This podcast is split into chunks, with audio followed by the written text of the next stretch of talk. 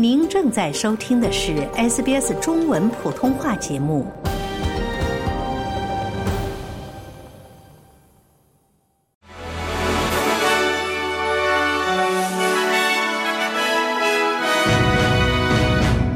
听众朋友您好，我是 SBS 记者刘俊杰。今天是二零二三年十一月三日，星期五。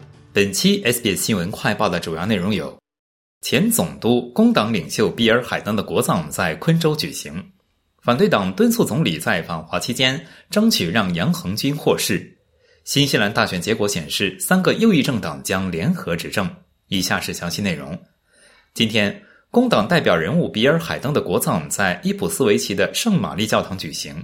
海登于1989年至1996年担任澳大利亚第二十一任总督，在此之前，他曾在工党政府中担任过多个备受瞩目的部长职务，包括戈夫·惠特拉姆政府的财政部长和鲍勃·霍克政府的外交部长。不过，前总理保罗·基廷告诉教堂会众。海登最有影响力的角色是在1975年时任总理惠特拉姆被解职后的几年里担任反对党领袖。基廷说：“对于一个不为利己主义所驱使的自谦之人来说，比尔将联邦工党重新打造为一支真正的力量。毫无疑问，这是他漫长的公共生活中最伟大的成就。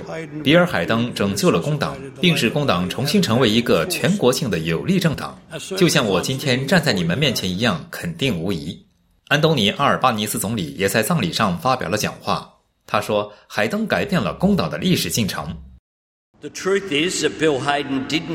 阿尔巴尼斯说：“事实是，比尔·海登不仅照亮了前方的道路，他还为奠定道路的基础做出了巨大贡献。我们应该感谢这位孩童时经历经济萧条之后成为警察、加入工党、弘扬自己价值观的人物，包括总督大卫·赫尔利和前总督昆廷·布莱斯在内的政要出席了比尔·海登的葬礼。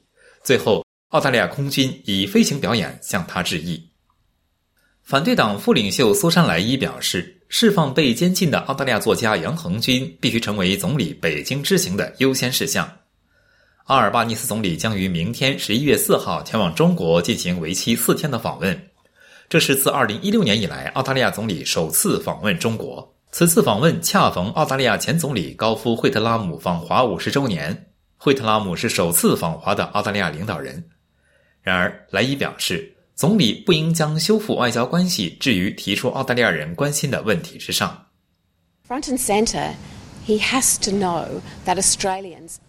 莱伊说：“总理必须知道，澳大利亚人希望他就杨博士被不公平的拘留一事向中国国家主席和总理进行最强烈的交涉。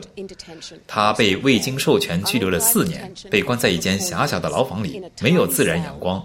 他的身体状况显然非常不好。”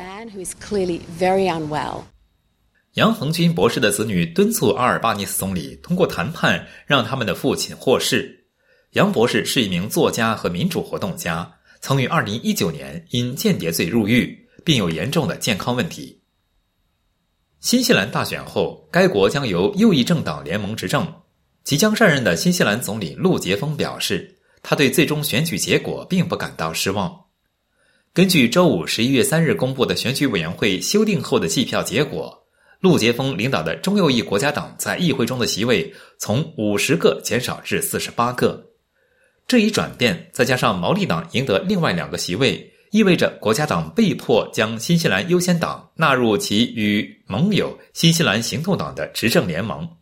新西兰优先党议员温斯顿·彼得斯将再次在组建政府过程中发挥关键作用，正如他在二零一七年左翼领导人杰辛达·阿德恩的选举中所做的那样。彼得斯说：“为了向前迈进，你必须说好吧，我们能就什么达成一致，可以搁置什么，因为我们不可能都得到自己想要的。从大的方面来说，我们必须建立一个健全的而且更好的政府。”感谢收听本期 SBS 新闻快报。您可以在任何播客平台搜索 SBS 普通话，点击订阅，开启消息提醒，即可了解澳洲国内外新闻及社区信息。